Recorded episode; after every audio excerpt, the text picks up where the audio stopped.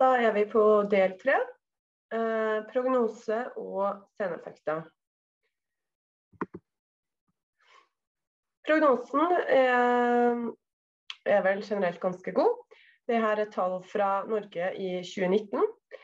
Eh, og da er det sånn at eh, den femårs relative overlevelser, altså når man ser på overlevelser til prostatakreftpasientene relativ til normalbefolkninga eh, med samme alder osv., så, videre, så er den totalt på 95,5% Når prostatakreften er lokalisert, så er den på 102,2% Og Det det betyr, det er jo at eh, det er veldig mye pasienter som da tester seg, og som sikkert får påvist en lavrisiko prostatakreft. Og de er da i utgangspunktet friskere enn normalbefolkninga og lever lenger enn normalbefolkninga. Eh, det regionale femårsoverlevelsen er 95% og ved metastatisk sykdom er prognosen en helt annen. Der er den 43% Prostatakreft er en langsomt utviklende kreftsykdom. Eh, og Det er derfor vi også blir nødt til å se på 15 års relativ overlevelse. Og Den er da på 80,1 med et konfidensintervall, altså en usikkerhetsmargin på mellom 76 og 84 um, Når vi ser på prostatakreft og skal snakke om bivirkninger, så er det greit å repetere litt anatomien. Uh, prostata ligger jo her, under blæra. Sædblæra ligger opp her, med sædlederne som går ned til testiklene. Og så har vi rektum som ligger nært innpå bak her. Og når vi snakker om bivirkninger, i hvert fall ved strålebehandling, så er jo det med avstand til eh, målvolumet eh, viktig i forhold til hvilke bivirkninger vi kan forvente å få. Jeg skal komme litt tilbake til det.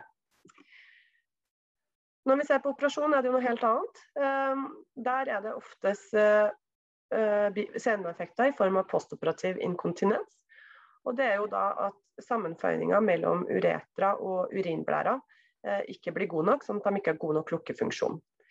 Eh, de fleste får også erektil dysfunksjon.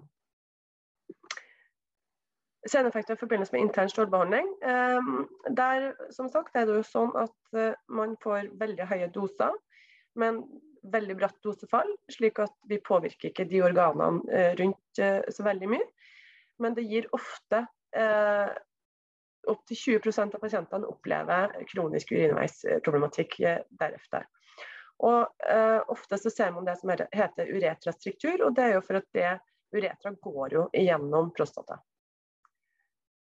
Når det kommer med seneffekter i forbindelse med ekstern strålebehandling, så er det jo sånn at eh, da gir man jo eh, strålebehandlinga utenfra. Da vil man gå gjennom rektum, og det vil også komme spredt stråle til blæra, men her ser vi altså mest senbevirkninger fra eh, endetarmen. Eh, det kan utarte seg som persisterende diaré. Noen får avførings-urge og eller inkontinens, og noen får også rektal blødning.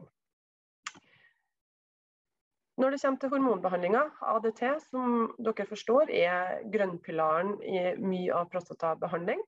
Både i den kurative settinga og den palliative settinga så er jo det en behandling som ikke kommer, eh, som ikke kommer uten en del bivirkninger. Eh, de fleste får erektil dysfunksjon og tap av libido, sexlyst. Mange får hetetokter.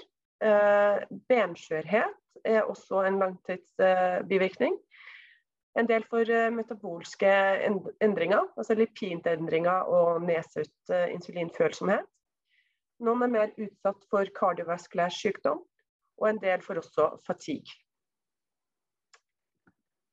Oppsummert så er det sånn at prognosen er god for de lokaliserte.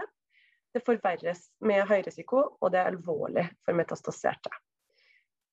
Når det gjelder seneffekter, så er det ingen behandling uten bivirkninger. Takk for meg.